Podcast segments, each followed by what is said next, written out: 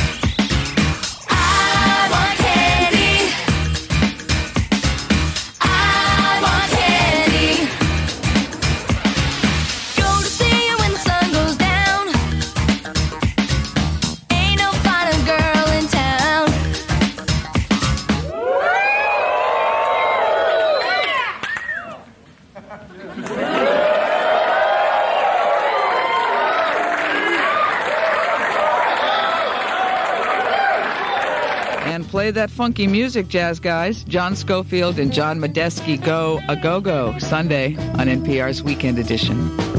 That's Weekend Edition, Sunday mornings at 10 on WAMU 88.5 FM. You mean you haven't seen Cool as Ice? What? The Vanilla Ice movie? Drop the zero and get with the hero. I thought it was stupid too until I saw it with Chip. Oh, how about when Vanilla goes, Yo, cat, what's it like having parents and all?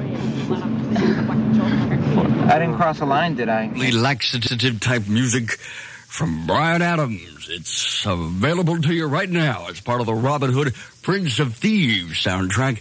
You'll have to wait till the beginning of September for an entire brand new album from Bryan Adams. But it's on the way, so fear not. Adam Heads. 97X. Bam. The future of rock and roll.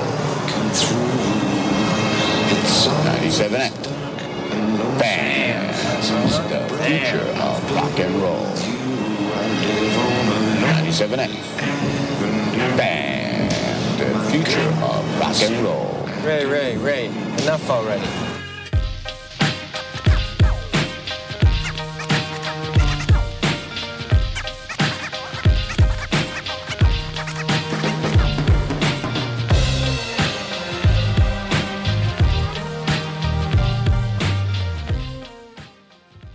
What, what happens here now? This is it. Okay, this is it. Welcome. Welcome to the ninth episode of Doing It with Mike Sacks.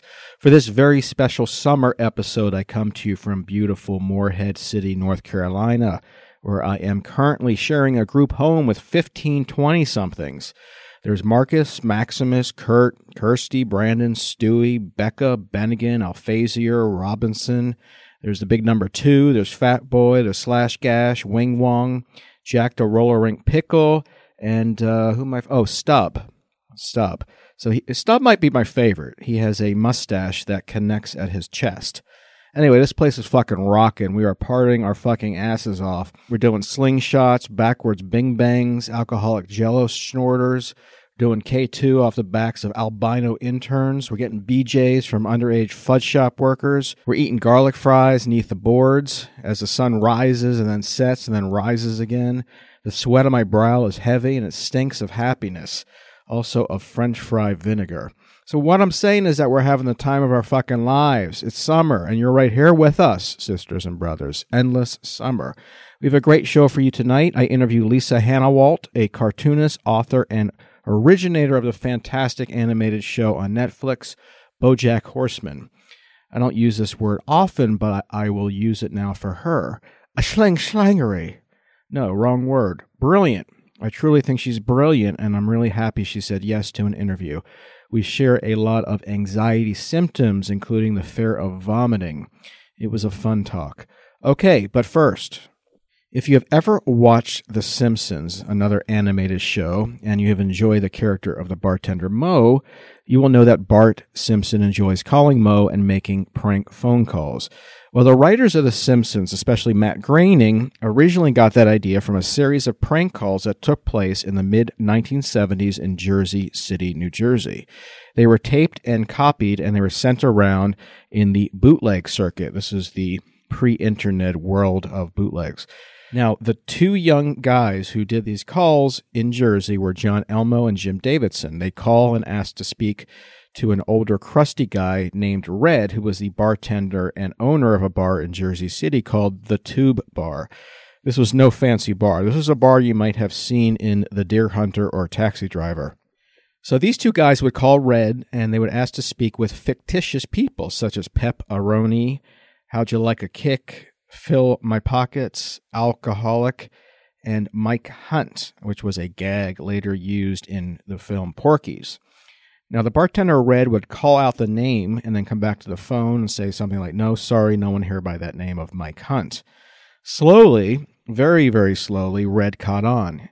He was no genius, but once he did catch on, he would curse at the two with unbelievable hostility, just cursing like you wouldn't have heard since World War II. These are rare tapes, and I'd like to play some excerpts for you now. So, for this week's babbling segment from the mid 1970s, here are the tube tapes.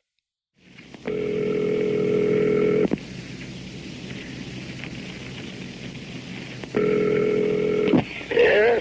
Hello? Yeah. Who's the grade there? Listen, you motherfucker, cocksucker, you, you cocksucker, why don't you come over here face to face? Your mother is a fucker, she's a cunt, you, you're a... I'm afraid to suck your mother's cunt, you son. I'm afraid I'll beat the shit out of you, you bastard. Well, you lousy son of a bitch, I'll give you $500 to come You just wait till I get a hold of you. Well, you fucking bum, I know who you are. Yeah? I I, I can't wait to get a hold of you. When I get you, I'll put two zoots, I'll put two zigs on you. Oh, cheeks. You remember it for wrist. I know you, don't worry. I don't, I sure know you, you and I'll get you. Pig. Are you cocksucker? Come. Why don't you come over? Come over. Come over. Come over. I'll come over and meet you, you motherfucker. Yeah, you wouldn't have the guts. Two bar? Oh. Can I speak to Red, please? Hey, what are you, fucking nut? Motherfucker, you.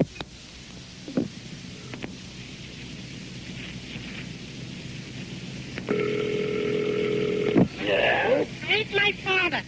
Eh? Where's my father? Your father is in, his, in your mother's asshole. Yes? You fucking bum.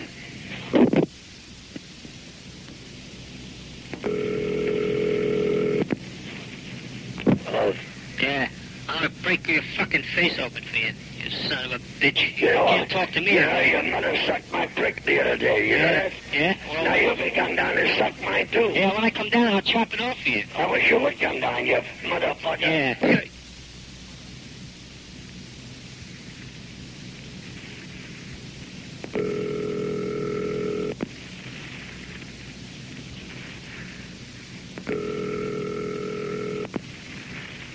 Hello? Yeah, listen, I had it with you, you son of a bitch. Where do you want to meet me? You fucking have it out. Well, you yellow red bastard, you motherfucker cocksucker. Yeah, I've been fucking your mother's been sucking my prick for every for many years, and you're trying to make a drink out of Yeah? me. Why don't you come over and meet me face to face, you, you just walked into motherfucker? I'll walk over to meet you wherever you want that's what I want. That's Where, what I where are you? And I'll come right over. You son of You, a... you son of a bitch, you motherfucker. I wouldn't come. I'll come down You here. son of a bitch. My friend's in the bar right now. I've got your belly. Oh, come on over here, son of My a friend's bitch. there right now. You Why don't you bastard. talk to him, you yellow bastard? Well, you lousy motherfucker, cocksucker. You fuck your own mother for a nickel, you son of a bitch. You're a motherfucker and You a son of a bitch. Nobody can talk to me that way. Can I speak to Al Selson? What'd you say? Al. Can Al, Al Selson. You want to talk to somebody? Yeah. Who do you want to talk to? Al Selson, please. With my husband. Oh, yeah. Listen, you motherfucker, son of a bitch. Why don't you suck a mother's What are you talking about? You cocksucker. What are you saying? Hello? Hello? Yeah. Yes, uh, this is Tuba. Yes. Tuba. Could, uh, you tell me if Pepe is that pepperoni? Pepperoni? Yeah. Yes, Pepe. Ronnie, R-O-N-I. There's a man by that name, Pepperoni? Yes. You want to talk to a man by the name of Pepperoni? See, yes. Pepe. Pepe. His name is Pepe. What's his wife's name? P-E-P, what? P-E-P. Pepe. Pepperoni. Pepperoni! Pepperoni! Pepperoni! You don't know nobody by that name? It's not here? No. Okay, thank you. All right. Bye-bye. I'm coming down now. Listen, you motherfucker. You know your mother, your motherfucks for niggers.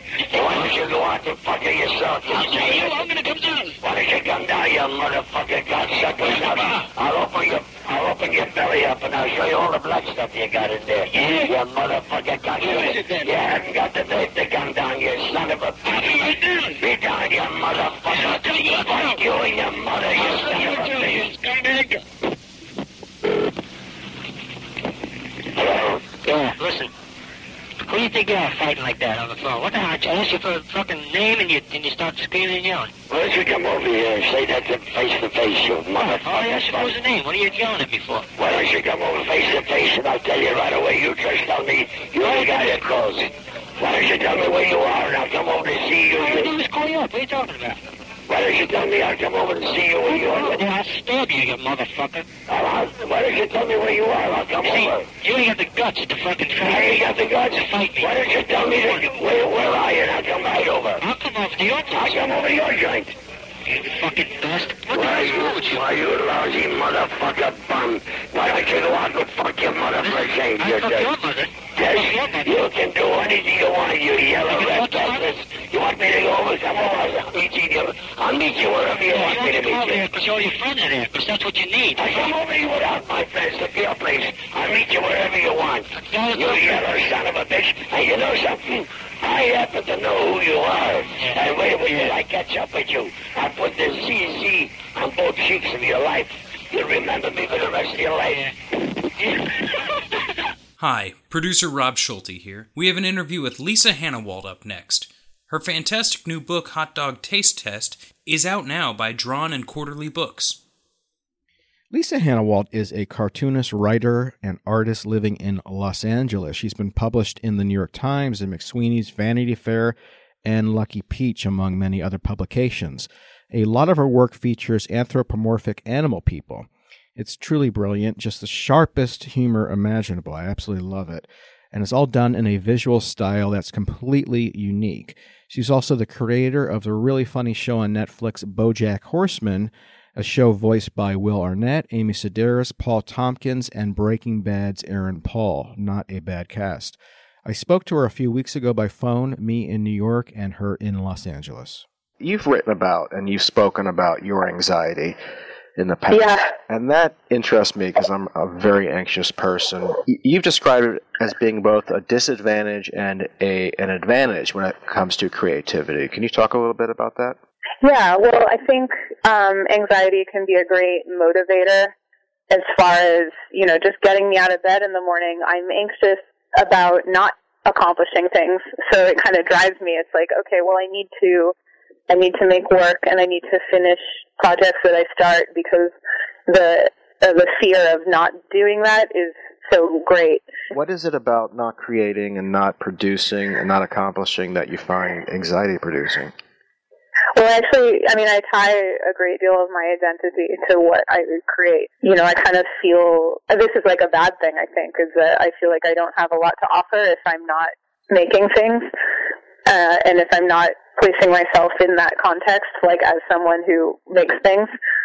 But yeah, so anxiety can kind of help me kind of power through, but on the other side, it can be sort of paralyzing if I get too anxious because then it's it's the fear of not making something that's good enough and uh yeah and just like it's hard to work when you literally think you're going to die well, yeah no kidding i mean but that's an interesting thing you know you what you just mentioned i have too and i i'm very Mm-hmm. much mm-hmm. connected with work and if i'm not producing or if i didn't produce or if i felt that i was working you know a, an office job back in maryland where i'm from i would be totally worthless but i wonder why that's the case I don't know. It seems to be um, the case with a lot of creative people I know. It's um, yeah, we all kind of do that a little bit. But do you really think you would not be worthy of friendship or relationships or anything if you didn't produce? No, because I mean I don't feel that way about uh, you know, I have friends who have like office jobs and they're sort of like, oh, you know, I wish I could be creative and I envy that you w- went on this path and I didn't, but I don't think less of them. Of course. At all. Right. Um, that would be really rude. Um, that would be a little rude. and in some ways I envy them because when I had an office job, um, I was more free in some ways because I didn't rely on my creative work for income. I, um, you know, I'd do my secretary work and then I'd go home and work on my comics all evening and I could do whatever I wanted. It's like there's more pressure now. There is something to be said for having a job where you don't go home creatively exhausted. Yeah, I miss that. I mean, my job is very creatively taxing. Well, to hustle, I mean, you once described what you had to do in one particular year to earn a living as a cartoonist illustrator, and it, Yeah. was, it was quite a list. Illustrating articles, designing book covers, sold comic books and zines, prints, T-shirts, made a web comic, sold original art, designed the characters and background for a TV show pilot. So, Oh yeah, that was the first year that I was working on on BoJack. That yeah, if you look at like where my income was coming from that year, it's a very wide gamut of things. Um, and now it's like more directly coming from BoJack, of course, but I'm still doing a lot of other things. did they teach that in art And I- school? The hustle. No, not at all. I didn't learn any of that. Um, I feel like in art school it was like, and I don't, I don't necessarily blame my school for this, but I, I feel like there was a bit of delusion where it was like, well, when you graduate, you'll just have a studio and you'll have a gallery show, and that's how that'll work. that's not how it works at all for anyone. That happened with me, and it, seems like a lot of teachers who are teaching a creative endeavor haven't or don't have to hustle. So if if they're in there in a collegiate setting, an academic setting, not having to hustle, they may not know what it's like to be out there trying to earn a living creatively. I don't know. It is kind of weird that none of them talk about it much, or because like, would they even be teaching if they didn't have to to earn a living? Like, Yeah, teaching what you can't make a living doing yourself. or like maybe just the fact that it is impossible to make a living completely from doing whatever you want, and so you have to subsidize it with other things, or just even by you know illustration. I kind of hate illustration, honestly, um, and I, I I don't hate the you know the world of it. I love illustrators, but like I don't like drawing what I'm being told to draw, and feeling like I don't know, I have to change colors to like please some art director who I may or may not like. But I had to do it for a while. I mean, I had the luck of working with a lot, a lot of art directors who I actually think improved my work and I learned things from. So I don't regret doing it at all. I think it made me a better artist. But um, but yeah, if I have the choice to not do it, I won't. And that's one of the things we mentioned this earlier is that kind of bothers me. I, I don't really know anything about illustration, but as far as writing, there's a lot of writing courses that are taught by people who would rather be writing but can't, and then also not telling their students that it should be for fun because if you if you go into this as a career, it's extremely extremely difficult, and I don't think that's mentioned. Yeah. It's weird when people think that it's a way to like get rich quick or like I don't know. It's definitely not the reality of it at all. There's a freedom that you have doing whatever you want, but there's also more of a pressure on you because of that freedom. Yeah, and now I have sort of an audience and I was thinking about that like, you know, if I wanted to veer off in a really strange direction, maybe I would want to do it in a smaller way, like you know, a book with a uh, a narrower release or something. I don't know. Um, I think I think the kind of artist I am, I have the privilege of being able to take more risks than some people. You know, because I'm not like a children's book illustrator. I'm not someone who would completely alienate my audience if I did something really strange. Right, but you also went down that path uh, uh, that it wasn't guaranteed that you would find an audience, but you did what you wanted to do, how you wanted to do it, and because of that, you found uh, a freedom. Yeah, I think I got lucky. I don't know if it would necessarily work for another person following the same sort of traje- trajectory that I did. I mean, I think students have to learn for themselves anyway, but I think taking a chance is a good lesson for, for young students. That's right. It's not a ladder. It's a jungle gym. I think I think that's like a chapter in Lean In or something.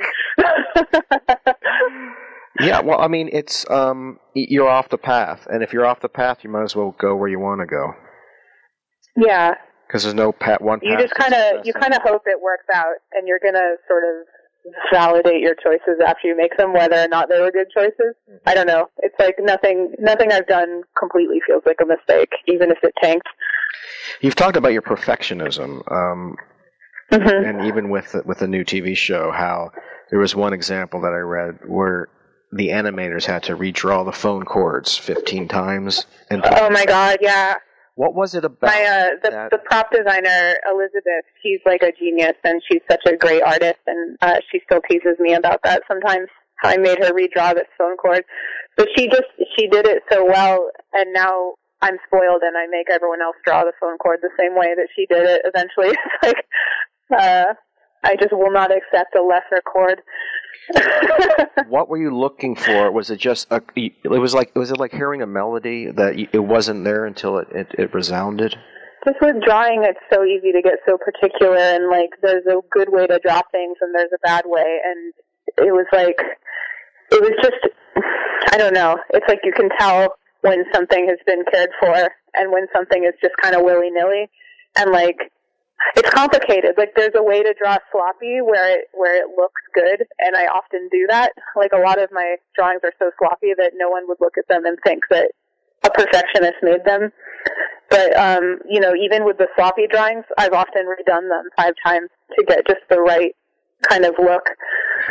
The right kind And that's that's also yeah, and it's also a very difficult thing to communicate to a person when they're trying to draw for you. so that's very difficult at work. Well, I can imagine. I mean, these are illustrators who have experience, but you, you have a certain vision that you have to get across. Yeah, and I have to let go a lot too, due to time restraints and uh, also just you know letting go of the fact that I'm not the one drawing it. So how are you taking that? I mean, this is not something you have to do when you do work for the page. Yeah, exactly. Because when I work on my own stuff, I can redraw it as many times as I want, and I have complete control. But you know, I can't make an entire TV show by myself. It's absurd. Um, and I can't do everything. I run myself ragged when I try. I'm still trying to find the balance between letting go and maintaining control. Because when I let go completely, I notice things slip by that I just can't can't handle, and then later I try to correct it again when it's almost too late. Um, I mean, luckily, I work with a lot of really talented people who care a lot. So without that, it would be just impossible. So there are details that you've let go that you will that will bother you when you see it on television. Yeah, I mean, one example. This doesn't bother me anymore. I've let it go. I've made my peace with it. But when we originally made the show, I think we we had sort of a. Uh, we were going to try to make it look very hand drawn, including the background. But what that entails is you have to you have to draw the background correctly, then go back and make the the line less straight, more wiggly to make it look hand drawn instead of you know ruler created, and that takes a whole extra step and extra time that we just don't have. Um, so I've let that go. And now, you know, it's like, okay, yeah, not not every background can have this weird falling perspective that I often have in my in my personal work. It's just like it makes it so difficult if you try to do that in a TV show. Well, it's like writing poorly. Sometimes it takes a lot of effort. Yeah, because it's so particular. Yeah, it, there is a. Um, I mean, I know nothing about art, but you know, they say that it took Pablo Picasso 30, 40 years to draw like a child. So, yeah, would that be the same type of thing? maybe it's. I mean, it's the most famous example where you have to do it right in order to do it wrong. I, you know, I never really was one for proper perspective. I never really did learn how to do it. Um, but I found something that looks. Uh, I think it's about finding something that looks specific. Uh, so you're doing it on purpose, and it fits with your own vision and your own style. Right, and you have to be. You have to make yourself happy with something, and sometimes you you'll see something that won't bother anyone else, but will keep you up at nights. I mean, it does me. Yeah, there's like certain. I get really hung up on fonts. Uh, you know, I'm always like, I'm always yelling about how I don't want any fonts on the show. I want everything to be handwritten, but again, that takes ages for people to do, and not everyone can can draw a nice font. You know, it's like that's something that I think is very difficult for artists to learn, and it was for me in particular, is that to make writing look as natural as drawing. Um, so yeah, there's been certain cases where I just had to let a font into the show, and then like months later, I was like, guys, I'm so sorry. I really, this is keeping me up at night. Can we change it? I hate this so much. And like sometimes I can change it, sometimes not, and that's something like maybe two people watching it would even notice. I don't know. I have to let it go, but like, I think it, it probably, for the most part, makes the show better if I'm stressed out by things like that. If I watch like Steven Universe or, or like Rick and Morty, I'm just like, oh, it's so beautiful. It's so good. I want to make a show that's that good. Um, I'm very inspired by by what's being put out there. Now, when you say font in your show, do you mean the details in the background, the gags, be it a newspaper, a sign, a, a menu, that sort of thing? Yeah. For the most part on our show, it's all handwritten. So, how much attention goes into those background details, those background jokes? So much attention. uh, we have a. I was just watching an episode of season three um, animation, and uh, there's like there's a part that's so fast it's like half a second where there's a newspaper that someone's hand is on top of, and Raphael, the creator of the show, wrote an entire article for it. Wow. Um, and you can't even read all of the article because the character's hand is blocking part of it and like but I feel like if someone can actually pause it on that second, which is so quick it's hard to pause on it, they'll you know, possibly be rewarded by reading a very weird article. You know, all of that that care kind of comes from the top down. That's incredible. I mean, th- th- but that's the type of thing now that you can take advantage of as a joke writer. Where before, when it was on network television, the '60s, '70s, '80s would be on there so quickly you wouldn't see it again until the rerun. Yeah. But now, Although The Simpsons, oh my God, The Simpsons is like the best inspiration because they have so much in there that you can watch every episode 30 times and still find new jokes. that was really and, the um, show to do that, wasn't it? Because that started in the early I think so. '90s, and that was really early for that. Maybe it's inspired by comics in a way because comics you can stare at them so long that you can pick out things. I think we're we're like very inspired by by The Simpsons in a lot of ways. Uh, and it's just like with the Netflix model, we know people are re-watching this thing ten times and they're like binging on it. So it's so fun knowing that people can pause it and find out these details. When the first season came out, we really thought like nobody's going to notice this, and then like this BuzzFeed list came out with like all of the details, and it was so gratifying. It's just nice to to know that you spend that time and then people appreciate it. You know, when I hear about bombs on TV and they'll mention numbers, Mm-hmm. I'm like, Jesus, if I had that many sales, I'd be really, really happy. Yeah, it's just a whole new thing. It's just completely different. So you were a fine arts major, right? You weren't a cartoonist major. Yeah, I did studio art. And when when did that switch happen? When, when did you were you always cartooning? Yeah, I've always been a cartoonist. I think I um I was looking through some work at my parents' house recently, and I made comics when I was like six years old, and I was making comics about talking animals, and Really? it's Even like that. Yeah, yep, yeah. It's never changed, and they were all wearing like weirdly patterned sweaters and shirts. It's like it's uncanny. Well, a lot of kids' books, including my daughter's, feature talking animals, but that sort of disappears in the adult literature, and if it is, it's sort of like dirty animal talk. But I love those books uh, where just animals are having their own problems because they're animals, but they can express themselves like humans. Yeah, I always loved that. So, do you find it easier to draw animals as far as expressing emotions than you would with humans? Is it is it easier for you as an illustrator? Yeah. Yeah, I also just find it more pleasurable to draw animals, but um I think with my the stories that I write about animals, I think I'm often burying um real life experiences in there and sort of embedding it in these fictional stories. And um whereas when I draw myself, it's a lot more personal and more vulnerable. Like I have this that travelogue section of my book where I go to Argentina and uh uh, I like really stressed out a lot about drawing it, and I stressed out a lot about whether or not to publish it. Um, and I don't know why exactly, because it's not even. I mean, there's some personal stuff in there, but it's not that personal. It's just uh, just the fact that I'm drawing myself feels really raw. That you're you're putting yourself out there, but if you were to do so, Yeah, and my family too. But under the guise of an animal that it, there's a generation removed from yourself and your family. Yeah, like when I, you know, I've drawn myself as a moose. Um, in my previous book, I had a story about a moose who's sculpting clay fingers, and it's very clear that it's me, um, because there's then the page with all the actual sculptures. Um, and uh, there's a story in my new book, Planting, where a couple buys a house, and that conversation they have at the end about her needing to let him in more, and she's sort of hiding from him. It's all kind of an allegory or something for my own emotional state. But how about the drawing itself? Is it easier to get across those emotions through an animal rather than a human? Yeah, I think for that story it would have felt grotesque to draw myself and and then it's it's almost less universal. It's more about me.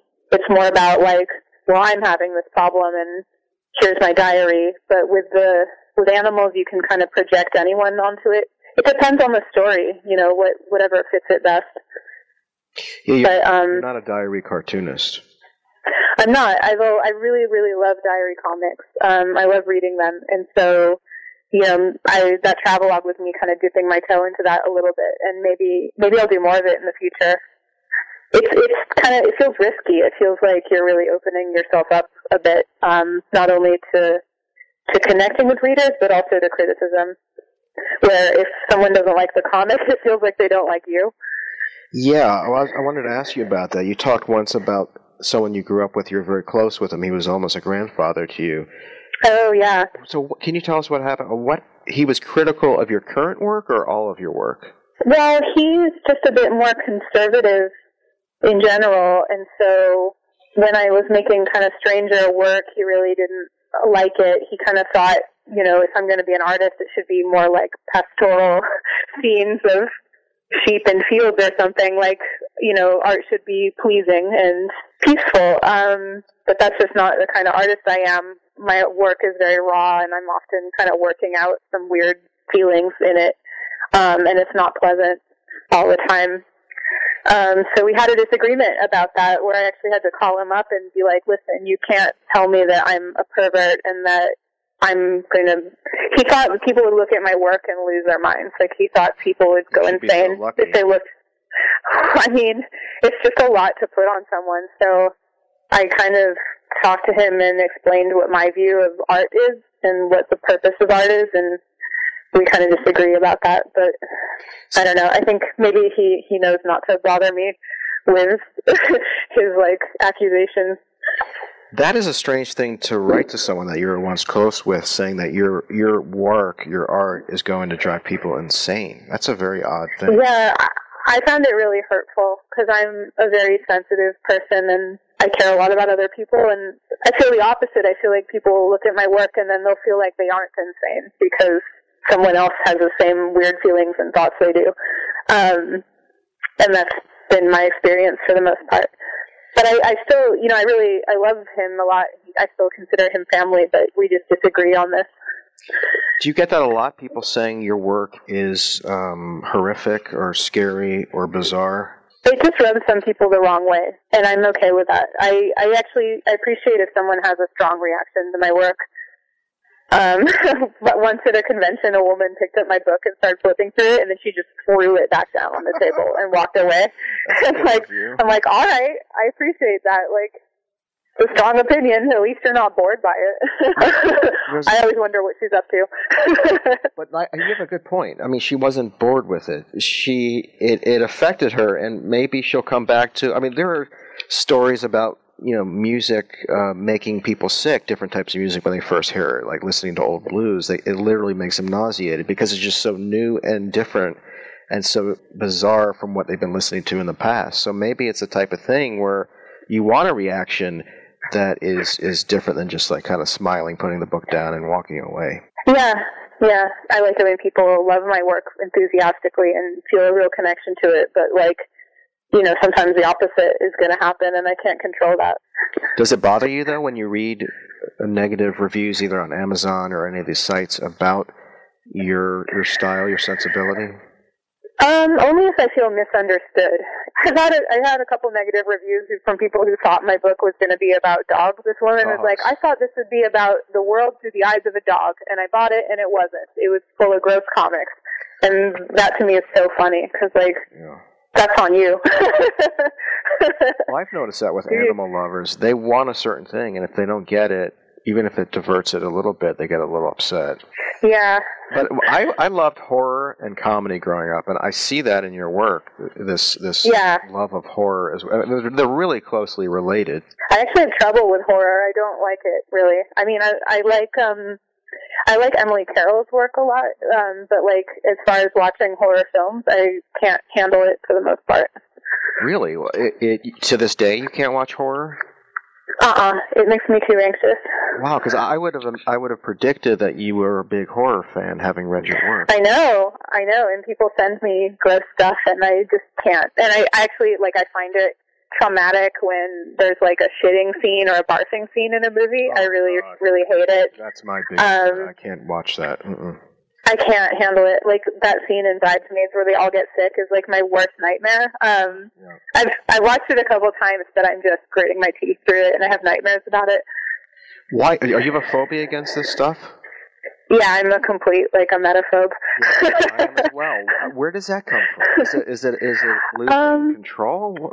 Yeah, I think it is largely just losing control of your body. It's like really frightening and just feeling like um feeling like if you start to feel sick, you won't be able to stop. Like you'll just puke out your own organs or something. It's like it's just really uh kind of an outrageous fear. And then it's weird because when I have gotten sick, it's been fine. It actually like there was a time when I I didn't throw up for 12 years and then I got food poisoning or something and both me and my boyfriend were puking and like it was fine. But were you even scared afterwards? Because the treatment for that is giving someone a pill that induces nausea, and then after. Oh Jesus, really? Just Ipecac or Ipecac, something? Ugh. Exactly. But and then supposedly, like once you go through, it was like, well, that wasn't as bad as I thought it would be. Well, it kind of relieved my fear for a little bit, and then it crept back, and then it was like, oh no, what if I get sick in public? Yeah, and I often like get nauseous when I'm anxious. It's awful. Well, my big fear is getting sick traveling. That's that's my big. Yeah, me too. We um, yeah, we uh, we have a trip that we might do next winter to Mumbai, and I'm really, really afraid. Wow. Yeah, because you throw in the um, stomach issues and traveling. That, that's the whole ball of wax over there. It's a lot. I have to figure out if I can do it. But I also like I don't. I never want to feel trapped by my own fear. So I actually do a lot of things that For you. frighten me. Good for you. good for me. Yeah, it's very um. It's good. I, I don't have the, the balls to do that, but good for you for doing it. Well, my I know that I know how my brain works, and I know how it kind of makes these grooves, and it gets into these ruts and these ways of thinking. And the only way to get around them is to do the opposite of what I want to do. and do the opposite of. Well, yeah, it is a kind of bravery. Um, so I should give myself more credit for, I guess. But it also helps that I found is like, yeah, I don't want to travel tomorrow, but if I make a plan next year, sure, I'll go to Europe. Totally, yeah. And then it comes up, and you're like, no, why did I do this? I can't handle this. You know, I interviewed Roz Chast for the first book, and she, she, I don't know if she likes horror or not, but she liked medical oddities, and she liked things that were. Ab- Oh, I love that stuff too. I was going to ask, Me yeah, too. do you like that stuff, and why? Do you think? Um, it's just curious, and uh, it's like it's a little bit like. I mean, I, I definitely have a morbid curiosity. I'm definitely like a rubbernecker. You know, if if I find out there's a gross thing online, I will go look at it against my better instincts. So I think it's that. I think it's that I'm a looky loo. I don't know. I I've watched some videos that I really shouldn't have watched. Um, like what? Oh God, I watched a beheading video once. it was like one of the worst things I've ever seen. I shouldn't have done it. It was it was a long time ago, but I still remember it so vividly, and I I replay it in my head. And you know, do you remember that website Rotten.com? Yes, I do. Uh, yeah. I used to like look at that all the time, uh, and I just couldn't help it. Um, and I still have like those images are just burned into my brain. I think that's why some of my work is so gross. It's like I need to get it out, and so it's like a way of exercising it. Yeah, I once saw a video. There's a there's a live broadcast of someone committing suicide.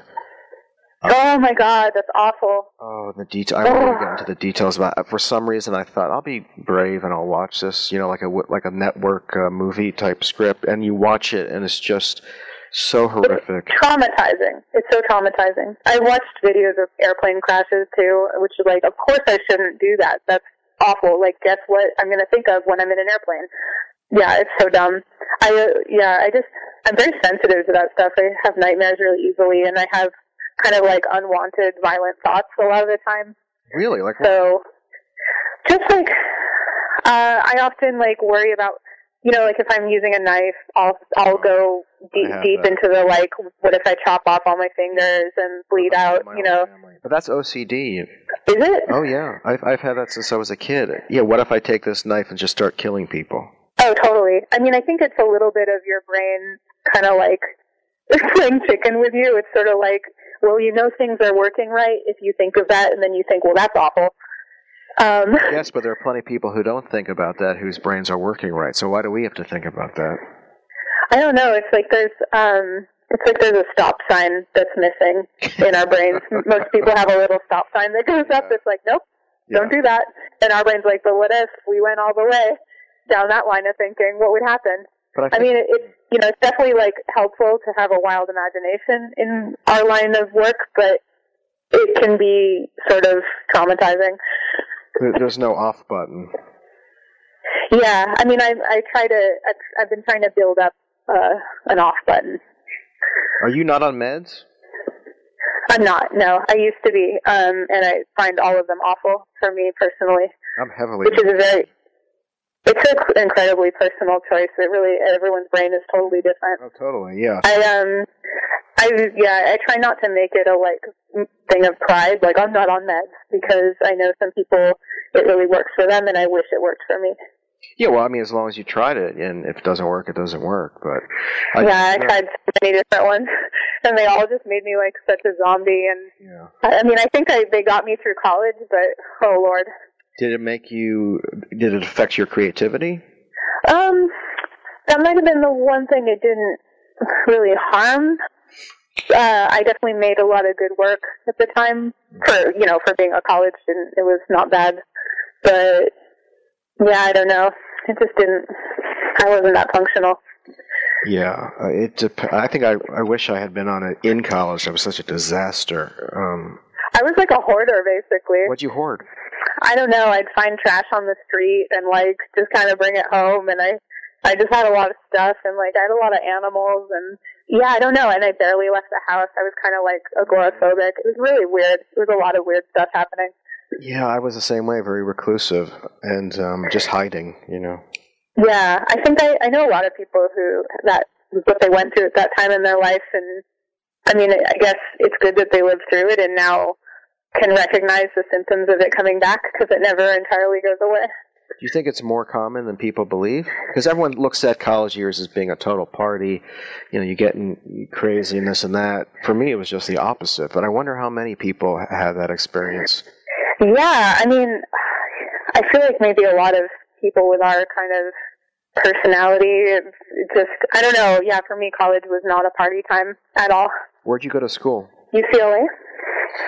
And was it bad after school? Because that was really the worst for me. I mean, college was bad, but after school was just hellish. Um, I did kind of flounder around for a little bit. I, but no, it wasn't bad because I don't know. I think I just don't do well in that kind of a structured environment. So when I graduated, I like I went on a road trip to Vermont. I lived with my friend in Vermont for a while. Then I came back and I just was doing odd jobs on Craigslist. And then I got this like weird secretary job, and it kind of I kind of just went immediately into that, and it kind of helped structure my life in a way that made sense to me. And I I think my work got better and I got more focused. Yeah, that's uh, that happened to me as well. I mean, I, I had a lot of regret later. Like, why didn't I travel through backpack through Europe for a year? But like, I, I wouldn't want to have back. I wouldn't want to do that now. So, I think I'm no. Driving around the country by myself was really good. Um, yeah, I think that was a good thing. By yourself, and that you had control. You could leave the hotel room if you wanted. You could ride where you wanted, but you didn't have to if you. Yeah. Yeah. Then I just had time to myself to figure myself out, and it was also, you know, it was kind of scary being all alone, and yeah. All right, so if those there are listeners out there, they're young illustrators, comic artists, what have you, and they want to get into this, what advice would you have for them? Um, I think I often advise people to not worry about style. I think a lot of artists are really concerned with developing a unique style because when they look at artists that they admire, they see that they have such a strong, recognizable style, and they're like, how do I get that? Um, but focusing on that, I think, is not very helpful. And just by nature of making work that you like, that you care about, about things that you care about, a style will naturally start to develop. Um, whereas if you try to sh- take a shortcut to that, people often end up just sort of imitating the work they like, and then it's like you're just sort of cribbing someone else's aesthetics, but you're not actually getting to the core of what makes their work unique. I mean, the artists I like most draw work about what they care about and what they're consumed with. Like, um, you know, it, it's really, it's very personal to them. No one else could make it. And no one else could teach them that. They had to come through it through their own experience. Yes. Well, listen, I'm a big fan of your work. Thank you so much. And keep up the great work. Keep on keeping on. Awesome. I will, I will. Thank you so much. Check out Lisa's new book, Hot Dog Taste Test, from Drawn and Quarterly Books, out now.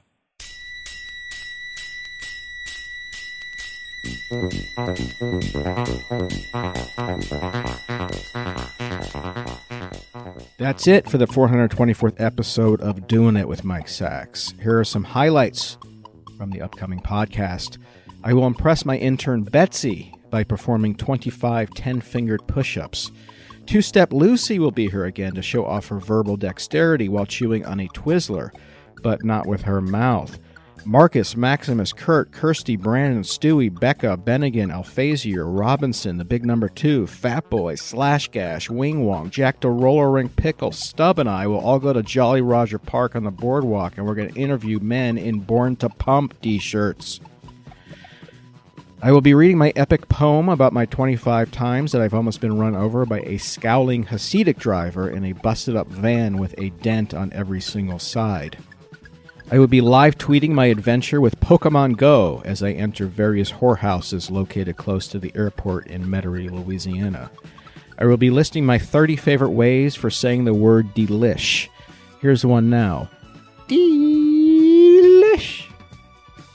I will be interviewing an artisanal artist about his penis shaped bookmark that he fashioned from out of Pacific driftwood. I will be listing and then playing my all time 101 favorite songs by Counting Crows. Will Mr. Jones be on the list?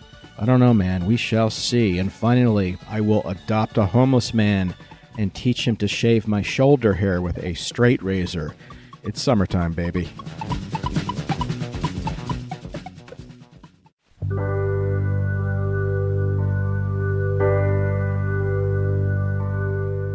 I appreciate you joining us. I really do. I look forward to seeing you next week, especially you, that stuttering one in the back who has so much to say but is too shy to say it. I can see that look in your eyes, and I understand. A few shout outs Lisa Hanawalt for sitting down and talking with me, Tyler Wall, Brian Huddell, and Andrea Salenzi for donating to our Patreon page, Rob Schulte for producing, editing, wrangling, for basically doing everything. You can reach Rob at robkschulte.com, R O B K S C H U L T E.com. His podcast is great. Check it out, GFY with Max and Rob. You can reach me at mikesacks.com or doing it with mikesacks.com. So until next time, you know what to do. Keep your feet on the ground and keep doing it.